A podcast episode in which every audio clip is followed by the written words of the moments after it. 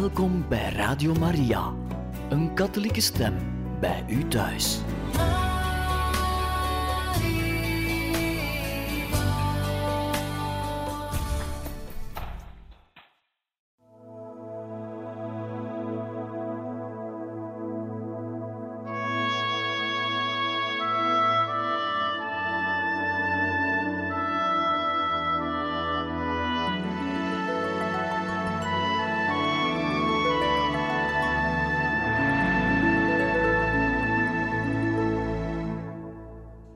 Beste luisteraars van Radio Maria, in dit programma lezen wij verder voor uit het boek Don Bosco van Teresio Bosco. En we zijn gekomen bij het hoofdstuk 41, Monese zoals Valdocco. Bij het onderwerp De mening van de paus en de boosheid van het dorp. In juni van datzelfde jaar 1871 ging Don Bosco naar Rome om er Pius IX zijn nieuwe plan uiteen te zetten. Nadat de paus hem enkele dagen respijt gevraagd had om erover na te denken, zei hij tegen Don Bosco: Uw plan schijnt me in Gods lijn te liggen. Ik denk dat die zusters als hoofddoel het onderricht en de opvoeding van de meisjes moeten nemen, zoals de Salesianen het doen voor de jongens. Hierarchisch zullen ze onder u en uw opvolgers staan. Denk in die zin aan hun regel en neem eens een proef. De rest komt later. 29 januari 1872. Op last van Don Bosco haalde Don Pestarino de 27 dochters van Maria Hulp der Christenen bijeen om hun eerste overste te kiezen. 21 stemmen vallen op Maria Mazzarello. Die schrikt erg en vraagt haar gezellinne aanstonds haar daarvan te ontslaan. De anderen dringen aan en Don Pestarino beslist alles in Don Bosco's handen te leggen. Maria haalt verlicht adem. Don Bosco weet immers dat zij onbekwaam is en hij zal haar zeker gelijk geven. Maar Don Bosco weet heel goed hoe bekwaam zij is en bevestigt tot haar grote verslagenheid haar benoeming. Nu komt het erop aan de dochters een vast verblijf te geven. Maar hoe moet dat zonder het dorp op stang te jagen? Een onvoorzien voorval biedt uitkomst. De pastorie dreigt in te storten. De gemeenteraad neemt de beslissing ze af te breken en weer op te bouwen. Intussen vragen de gemeenteraadsleden aan Don Pestarino het huis dat hij naast de kerk bezit ter beschikking van de pastoor te stellen. Maar hoe moet het dan met de dochters die naailes geven en de arme kleine meisjes gastvrijheid verlenen? werpt het priestertje op. In de gemeenteraad wordt er over nagedacht. Dan stellen ze voor: stuur ze naar Borgo Alto, daar is de benedenverdieping klaar en er woont nog niemand. Don Pestarino slaakt een zucht van verlichting. Hij wordt nu gedwongen te doen wat hij niet durfde te vragen. De dochters worden overgebracht met enkele boerenkarren en zij nemen hun zijderupsen, een van hun povere bronnen van inkomsten, mee. Die verhuizing baarde niet meteen opzien. Maar nauwelijks was in het dorp het gerucht dat de dochters, en hun aantal nam snel toe, het college voorgoed hadden ingepalmd en er een nieuwe kloostergemeenschap gingen stichten, of er ging een algemeen gehuil op. Wirt gaat er meer uitgebreid op in. De inwoners van Mornese riepen verraad. De dochters van Maria Hulp der Christenen begonnen hun geschiedenis in een sfeer van onbegrip en zelfs vijandigheid. En dat maakte de armoede en de ontberingen die al groot genoeg waren, nog erger. In het dorp werd verteld dat we het hier niet lang zouden maken, zo schreef zuster Felicina Mazzarello. En menselijkerwijs gesproken had het ook zo moeten zijn, want er was tekort aan alles. Toch maakte Maria Domenica zich geen zorgen. Ze zette haar leven van inspanningen en offers voort. Omdat het gebouw nog niet klaar was, stond ze de hele dag stenen te stapelen. En de was? De rivier de Roverno lag een eindje van het dorp. Als het wasdag was, nam ze een stukje brood of een paar plakken polenta en trok met een paar anderen naar de rivier. Daar deden ze hun werk. Vermoeid en doornat keerde ze naar huis terug en zorgde ervoor dat de anderen van kleren wisselden, terwijl zij iets warms klaarmaakte. Ze was als een liefdevolle moeder. De geur van kastanjes. 5 augustus 1872. De eerste vijftien dochters van Maria, hulp der christenen, trokken het kloosterkleed aan. Elf legde de driejaarlijkse gelofte af. Onder die elf was ook Maria Mazzarello. Monsieur Siandra, de bisschop van Acqui, hield de vijftien zusters het kruisbeeld voor. Neem, mijn beste zusters, het portret van jullie geliefde Jezus aan. Hij zal jullie tot vertroosting zijn bij de moeilijkheden die jullie zullen ontmoeten. Don Bosco is bij de inkleding en professie aanwezig. Daarna zegt hij in liefdevolle eenvoud: Jullie hebben het moeilijk en ik zie dat met mijn eigen ogen, want ze zitten allemaal achter jullie aan en maken je belachelijk. Zelfs jullie bloedverwanten keer je de rug toe. Jullie moeten je daarover niet verbazen. In het officie van de Madonna hebben jullie gelezen: Mijn nardus heeft een zoete geur. Maar weten jullie wanneer nardus een goede geur verspreidt? Wanneer hij goed fijn gestampt is. Zit er niet over in, mijn dierbare dochters, dat je nu in de wereld zo slecht behandeld wordt. Houd goede moed en wees getroost, omdat jullie enkel op die manier je zending kunt uitvoeren. Als jullie waardig volgens jullie roeping leven, zullen jullie veel goed kunnen doen voor je eigen ziel en voor die van je naaste. De armoede bleef op de rand van de ellende. De hoofdschotel van de communiteit was polenta en gekookte kastanjes. De geur van die paar kastanjes, zo vertelde een zuster uit die eerste dagen, begonnen wij al een paar uur tevoren op te snuiven, en we vielen er bijna flauw van. Veel zusters gebruikten als hoofdkussen een stuk hout, zo goed mogelijk met lappen omwikkeld. Alle hoofdkussens in huis waren voor de kindertjes bestemd. Maria Mazzarello wilde niet dat de jongste zusters zich aan die verstervingen onderwerpen. Maar veel kon ze daar niet over zeggen, want zij was de eerste die dat systeem uitgevonden had. We onderbreken nu voor wat muziek.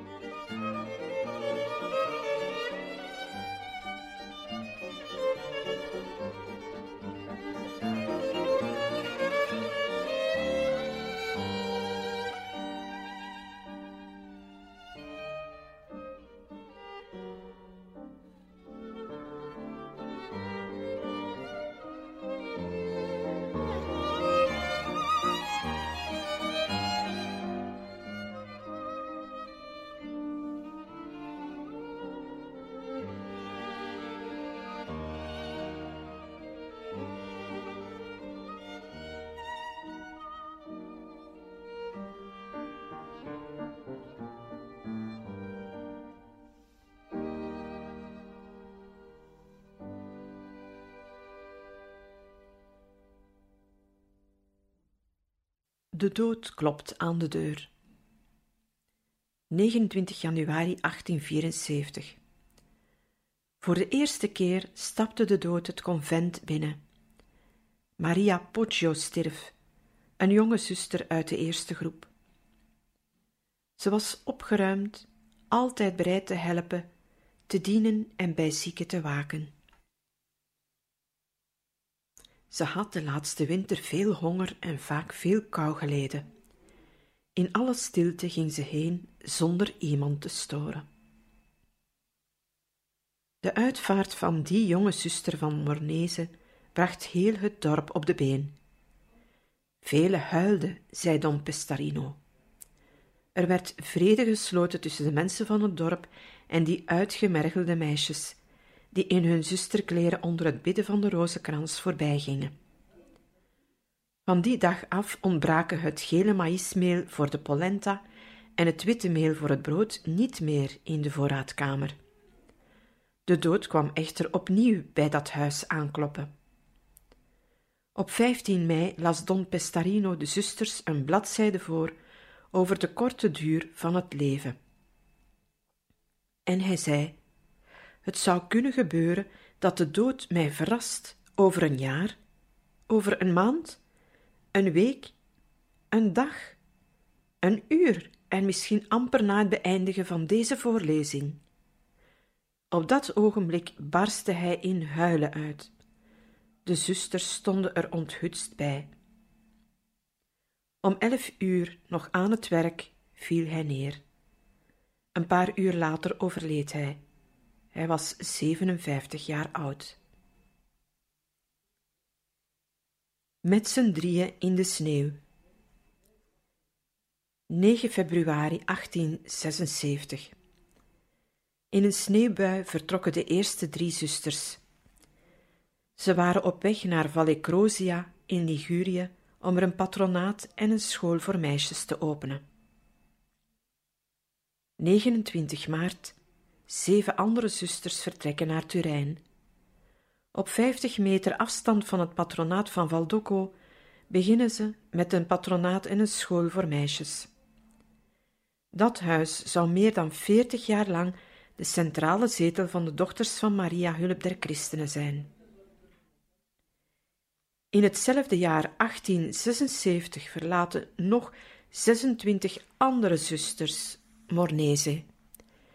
Ze gaan scholen en patronaten openen in Biella, Alassio, Lu Monferrato en Lanzo Torinese. Met zeven vertrekken ze naar Sestri Levante.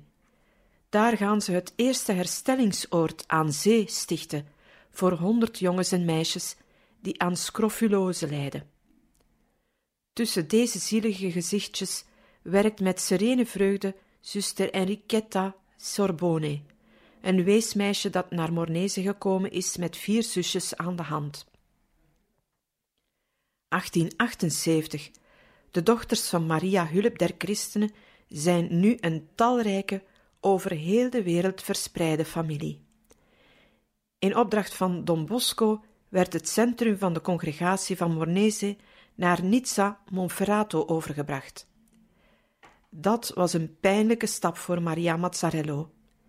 Ze neemt afscheid van haar hoogbejaarde vader en moeder, van het kerkhof waar Don Pestarino en enige van haar eerste gezellinnen rusten, en van het huisje waar ze de eerste meisjes leerde naaien. Al was zij algemeen overste, nooit verloor Maria Mazzarello het gevoel voor verhoudingen. Liefdevol en aandachtig bleef ze op de kleine meisjes in de slaapkamer letten. Een klein meisje bij wie de voeten, de kousen en de schoenen door wintertenen aan elkaar geplakt zaten, keek eens even rond of niemand haar zag en dook toen onder de dekens met schoenen en al. Moeder Mazzarello had het door. Ze zei niets, maar ze liep naar de keuken om lauw water verbandgaas en windsels te halen. Ze nam alles mee naar het bed van het kind en mompelde: En laat me nu je voetjes maar eens zien. En wees niet bang, ik zal je geen pijn doen. De dood komt met meibloemen. Januari 1881. De zusters viel het op dat de gezondheid van moeder Mazzarello achteruit ging. Iemand gaf haar de raad meer zorg aan haar gezondheid te besteden, maar ze antwoordde glimlachend: Het is beter voor jullie dat ik heen ga, dan kan er een bekwamere overste gekozen worden. Ze stortte ineen toen ze een groep zusters missionarissen die naar Amerika vertrokken vergezelde. Door een ongelukkige samenloop van omstandigheden moest zij, gehurkt in een hoekje, in haar kleren en rillend van de koorts de nacht doorbrengen. S'morgens kon ze niet opstaan. Een tijdje later slaagde ze er met uiterste inspanning nog in haar dochters naar de haven te begeleiden. Een paar uur later kon ze helemaal niets meer. Zware pleuritis luidde het oordeel van de dokter. Veertig dagen koorts, verre van huis en gefolterd door trekpleisters, die in die tijd de enige bekende remedie waren, maar die haar rug ontvelden. Later verdween de koorts, maar de dokter is duidelijk. Op het bruske af, nog maar een paar maanden. Bij haar terugkeer naar Nizza ontmoette ze Don Bosco. En ze zei tegen hem: De arts is duidelijk. Don Bosco, ik vraag u, kan ik nog op genezing hopen? Don Bosco antwoordde niet direct, maar hij vertelde haar een parabel. Op een dag kwam de dood aankloppen bij de deur van een klooster. Tot alle zusters die hij ontmoette, zei hij: Kom met me mee. Maar ze weerden allemaal af, want zo zeiden ze: ze hadden nog zoveel te doen. Daarna ging hij naar de overste en zei: Het is aan jou het goede voorbeeld te geven. Kom dus mee. De overste moest het hoofd buigen en gehoorzamen. Moeder Mazzarello begreep het, boog het hoofd en trachtte te glimlachen. Bleek en aan het einde van haar krachten kwam ze in Nizza aan. Ze werd feestelijk ingehaald en dat ontroerde haar. Ze dankte met weinig woorden. Wat ons in deze wereld ook ten deel valt, het mag ons niet te veel verheugen, noch verdrieten. We zijn in Gods hand, die onze Vader is, en we moeten immer bereid zijn Gods wil te doen. Het einde kwam in de lente. Door de ruiten van de vensters zag ze het groen en de bloemen. Ze luisterde graag naar het rumoer van de kinderen die zorgeloos renden en speelden. Ze wilde nog met haar zusters praten en ze zei: Heb elkaar lief. Blijf altijd eensgezind. Jullie hebben de wereld verlaten. Bouw hier binnen geen andere wereld op. Denk aan de reden waarom je in de congregatie getreden bent. Ze voelde zich niet goed, maar ze wilde tot het einde toe niemand verdriet doen. Ze spande zich zowaar in om te zingen. God kwam haar tegemoet in de dageraad van 14 mei. Ze slaagde er nog in zachtjes te zeggen: Tot weerziens in de hemel. Ze was 44 jaar slechts. Een heel jonge zuster, Caterina Daguerreau, 25 jaar oud, werd gekozen om haar op te volgen aan het hoofd van de FMA, of Dochters van Maria Hulp der Christenen. Ze was ingetreden op haar achttiende jaar. Moeder Mazzarello had haar geholpen het heimwee en de bitterheid van de eerste dagen te boven te komen. In 1879 was ze directrice geworden van het werk in Turijn. Don Bosco's nabijheid had haar ondernemingslust voor het patronaat en de school aangewakkerd, en ze gaf blijk van grote kwaliteiten: degelijkheid, evenwichtigheid en goedheid. Onder haar impuls zullen de FMA hun werk uitbreiden over Italië, Frankrijk en Zuid-Amerika. Bij Don Bosco's dood hadden ze al heel wat gedaan. Ze leidde vijftig huizen en er waren 390 zusters en een honderdtal novissen. We onderbreken hier voor wat muziek. thank you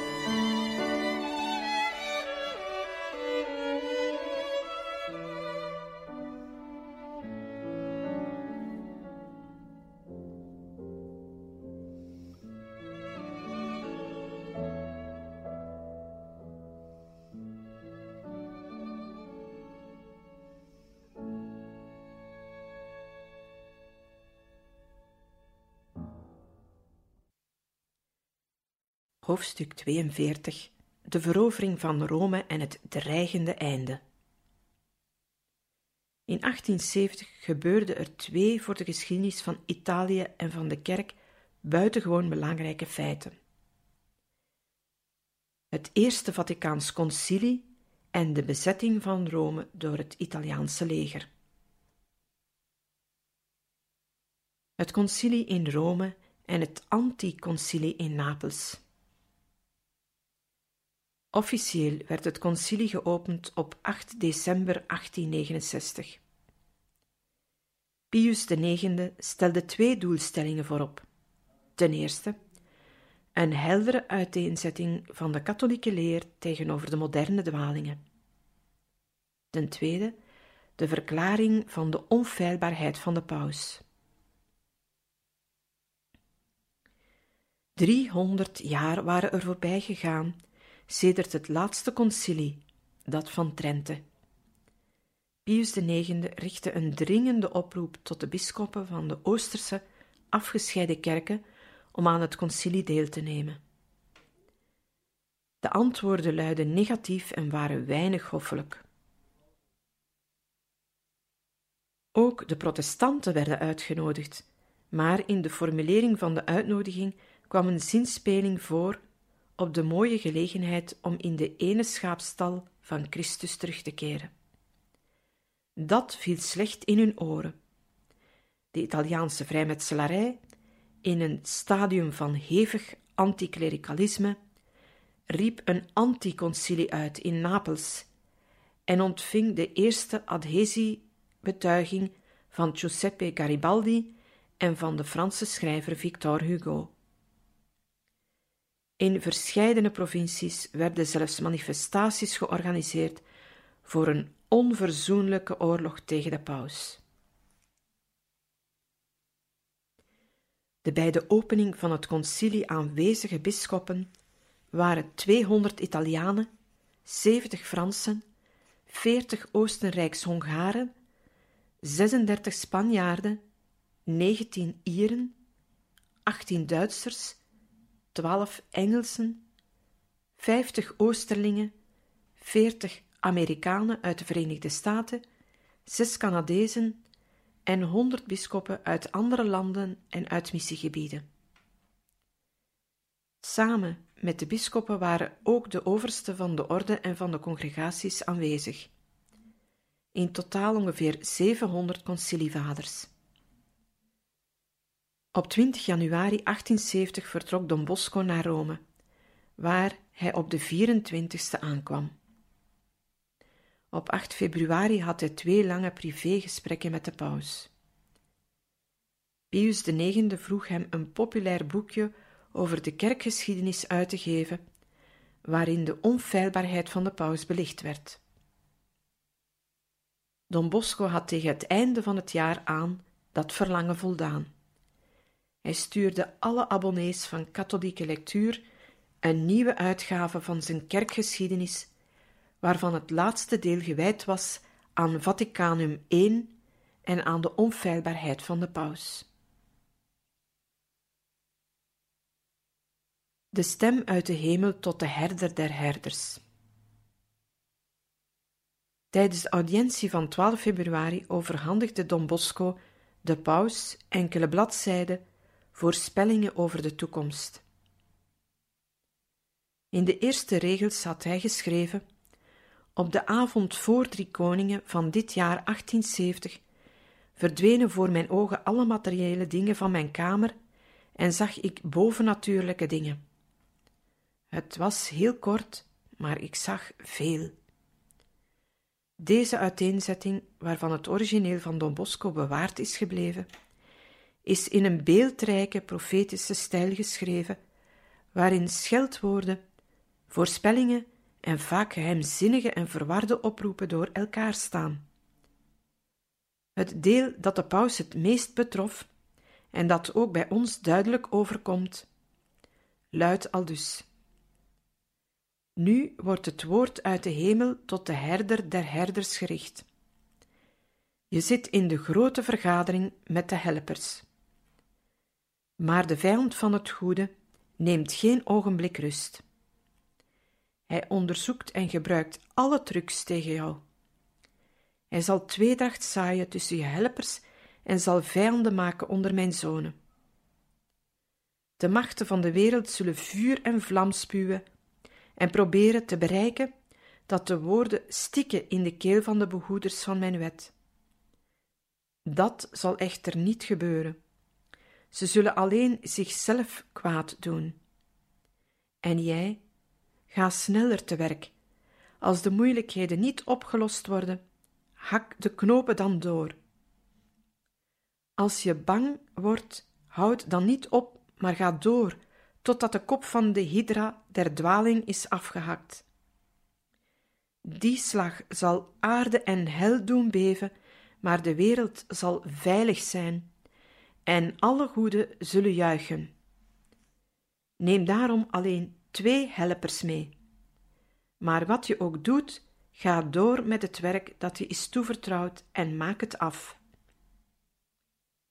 De dagen snellen voorbij en jouw jaren vlieden heen tot een bepaald aantal. Maar de grote koningin zal steeds je hulp zijn. En evenals in het verleden zal zij ook in de toekomst blijven magnum et singulare in ecclesia presidium, de grote en de machtige hulp van de kerk. Twintig regels verder spreekt Don Bosco over de toekomst van de paus. Nu is hij oud, afgeleefd en weerloos. Maar van alles beroofd en aan banden gelegd, weet hij met zijn woord toch de hele wereld te doen beven. De bezetting van de pauselijke staat vond pas plaats op 20 september. Zwarte wolken boven Frankrijk. De meest onbegrijpelijke bladzijde van 12 februari 1870 doelde op Frankrijk. In die maanden was Napoleon III nog de machtigste soeverein van Europa. De rampzalige oorlog met de Pruisen, begonnen op 19 juli 1870, en de moordpartijen van de Commune van Parijs, maart, mei 1871, waren nog ondenkbaar. Zie hier Don Bosco's woorden. Frankrijks wetten erkennen de schepper niet meer, maar de schepper zal zich laten kennen en het driemaal bezoeken met de roede van zijn woede. Hij zal haar hoogmoed neerslaan met nederlagen, plunderingen en verdelging van de oogst, de dieren en de mensen. Je vijanden zullen je angsten bezorgen, honger, ontzetting en de afschuw der volken. Maar wee jou als je de hand die je slaat niet herkent. Je zult in vreemde handen vallen. Je vijanden zullen in de verte je paleizen in vlammen zien opgaan. En je woningen zullen een hoop puin worden, druipend van het bloed van je kinderen die niet meer leven. De volgende dagen benaderde Don Bosco veel bisschoppen en hij gebruikte de invloed die hij genoot om hen aan te sporen de verklaring van de onfeilbaarheid te verhaasten. Hij drong vooral sterk aan bij Monsieur Gastaldi, bisschop van Saluzzo en zijn grote vriend. Don de Juan schreef dat Pius IX zo tevreden was over Don Bosco's ijver, dat hij hem op zekere dag zei: Zou u Turijn niet kunnen verlaten en naar Rome komen? Zou uw congregatie daar schade van ondervinden? Heilige Vader, dat zou haar ondergang betekenen. Op 22 februari vertrok Don Bosco weer uit Rome. En op 24 april keurde het concilie met algemene stemmen het document Dei Filius, Gods Zoon, goed. Het is een bondige, heldere uiteenzetting van de katholieke leer over God, de openbaring en het geloof. Er wordt speciaal de nadruk op gelegd dat geloof en wetenschap, mits goed begrepen, niet met elkaar in strijd zijn, omdat ze beide van God komen. We onderbreken hier voor wat muziek.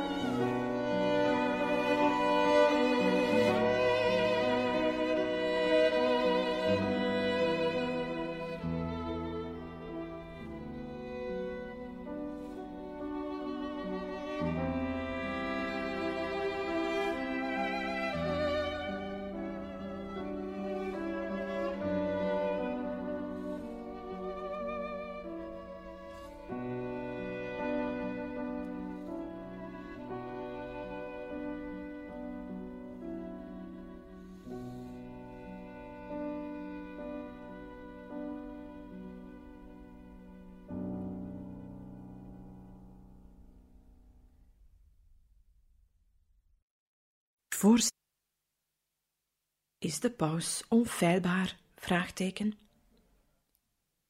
Op 15 mei begon in de conciliezaal het debat over de onfeilbaarheid van de paus. De algemene discussie liep door tot 4 juni. Op die dag schreef kardinaal Bonnechoze in zijn dagboek: Je zou zeggen dat wij ingescheept zijn voor een moeilijke reis aan boord van een schip dat door de golven heen en weer geslingerd wordt en waarop allen zeeziek zijn. De kerkvaders waren in twee kampen verdeeld en waren in heftige discussie met elkaar verwikkeld, zowel binnen als buiten het concilie. De meeste bisschoppen waren voor de onfeilbaarheid. De minderheid, een zestigtal Duitse, Franse, Italiaanse en Amerikaanse bisschoppen, zag in de onfeilbaarheidsverklaring een ernstige hinderpaal voor toenadering tot de protestantse kerken. Pius IX liet meermaals zijn gezag gelden ten gunste van de verklaring. Op 18 juli keurde het concilie de tekst over de onfeilbaarheid goed. Het regende pijpenstelen in Rome en donder en bliksem waren niet van de lucht, vertelde een ooggetuige. Toen Monsignor Valentini de tekst voorlas, trilden de ruiten van de donderslagen en waar geen lampen schenen, was het zo duister als de nacht. De beslissing van het concilie, die door de paus werd ondertekend, maakte de volgende stelling tot dogma. Wanneer de paus ex cathedra spreekt, dit wil zeggen, als hij bij het uitoefenen van zijn ambt als herder en leraar van alle christenen, krachtens zijn apostolisch gezag, een leerstelling betreffende geloof of zeden bindend verklaart voor heel de kerk, dankzij het goddelijk gezag dat hem in de persoon van Petrus is beloofd, bezit hij de onfeilbaarheid die de goddelijke verlosser zijn kerk heeft willen schenken. Daarom zijn die bepalingen van de paus onherroepelijk uit eigen kracht en niet krachtens de instemming van de kerk. Toen de dagen van de onfeilbaarheidsverklaring voorbij waren, kwam er een pauze van vier weken. Daarna zouden de werkzaamheden van het concilie hervat worden met de discussie over de bisschoppen. Maar plotseling gebeurden er in Europa erge dingen. De Bersaglieri bij de Porta Pia. Op 19 juli verklaarde Napoleon III Pruisen de oorlog. Het werd een ramp. Franse nederlagen volgden elkaar op tot die van Sedan op 2 september, waarbij Napoleon zelf gevangen genomen werd. Frankrijk gaf zich niet over. Het riep de republiek uit en bracht de regering over naar Tours, maar moest uiteindelijk toch toegeven. De vernederende vrede werd in mei 1871 in Frankfurt ondertekend, nadat Parijs geprobeerd had een republiek van Jacobijns type, de Commune, te vormen, die echter door de eigen Franse troepen vreed werd neergeslagen met 14.000 doden. Toen Napoleon bij Sedan verslagen was, vond de Italiaanse regering dat zij de handen vrij had in haar confrontatie met Rome. Ze had het gebied van Venetië in handen gekregen door een ongelukkige derde onafhankelijkheidsoorlog in 1866. Nu kregen 60.000 man onder commando van generaal Raffaele Cadorna bevel aan de grens van Latium post te vatten om Rome te veroveren. Het pauselijk leger onder leiding van generaal-kansler telde 14.600 man. In die benarde situatie rieden vele Pius IX aan de stad te verlaten. Een Engels schip was bereid hem naar Malta te brengen. Anderen stelden Spanje voor of Amerika. De paus, die zijn vlucht naar Gaeta in 1848 nog altijd als een vergissing beschouwde, was vastbesloten te blijven. Wel raadpleegde hij enkele vertrouwenspersonen. Ook Don Bosco, wiens zienswijze de paus ten zeerste waardeerde, werd geraadpleegd over wat er gedaan moest worden. En Don Bosco antwoordde: De schildwacht, Israëls engel, moet op zijn post blijven en de wacht optrekken voor Gods burcht en voor de heilige ark. De brief die per expresspost naar Rome werd gestuurd, was in het net overgeschreven door Don Cagliero. Civitavecchia, dat aan de landzijde ingesloten was en door een op de reden voor anker liggende vloot geblokkeerd was, gaf zich aan Nino Bixio over in de nacht van 15 september. Intussen waren de troepen van Cadorna Latium binnengetrokken en hadden ze Rome omsingeld. Op 20 september om 5.30 uur opende een batterij van de Angioletti-divisie het vuur op de Porta Pia. De Bersaglieri baanden zich een weg door het park van de Villa Patrizi en verjoegen de fuseliers die de opmars van de artillerie hinderden. Toen de Via Nomentana bereikt was, opende de Italiaanse artillerie het vuur op de Porta Pia. Voor negen uur was er in de muur al een bres van dertig meter geslagen. En daardoor stroomde het 12e en 34e regiment jagers naar binnen. Twee à drie minuten voor tien werd op de tafel van de paus de mededeling neergelegd over de doorbraak in de muur. Volgens een van tevoren opgemaakt plan beval de paus dat de witte vlag gehesen moest worden op de Engelenburgt en stuurde hij het bevel van overgave naar generaal-kansler. Het aantal slachtoffers was miniem, maar niettemin treurig. Aan Italiaanse zijde 56 doden en 141 gewonden. Aan pauselijke zijde 20 doden en 49 gewonden. Degenen die voor de verovering van Rome verantwoordelijk waren, ook al waren ze bekleed met de hoogste soevereine waardigheid, werden door de paus geëxcommuniceerd. Don Bosco, zo schrijft Don Lemoine, vernam het nieuws van de inname van Rome terwijl hij in Lanzo verbleef. En tot verbazing van de aanwezigen nam hij het rustig op, alsof hij iets hoorde dat al een tijdje bekend was. De paus liet aan de nog in Rome verblijvende concilievaders de volgende mededeling overhandigen. In deze droeve omstandigheden en in het besef dat de concilievaders niet meer de nodige vrijheid, veiligheid en rust zouden bezitten om waardig met ons over kerkelijke zaken te praten, schorsen wij de zitting van het Ecumenisch Vaticaans Concilie. Beste luisteraars van Radio Maria, we beëindigen hier deze lezing uit het boek Don Bosco voor vandaag en gaan volgende keer verder met het hoofdstuk 42, de verovering van Rome, bij het onderwerp het dreigende einde in Varazze. Dank u voor het luisteren.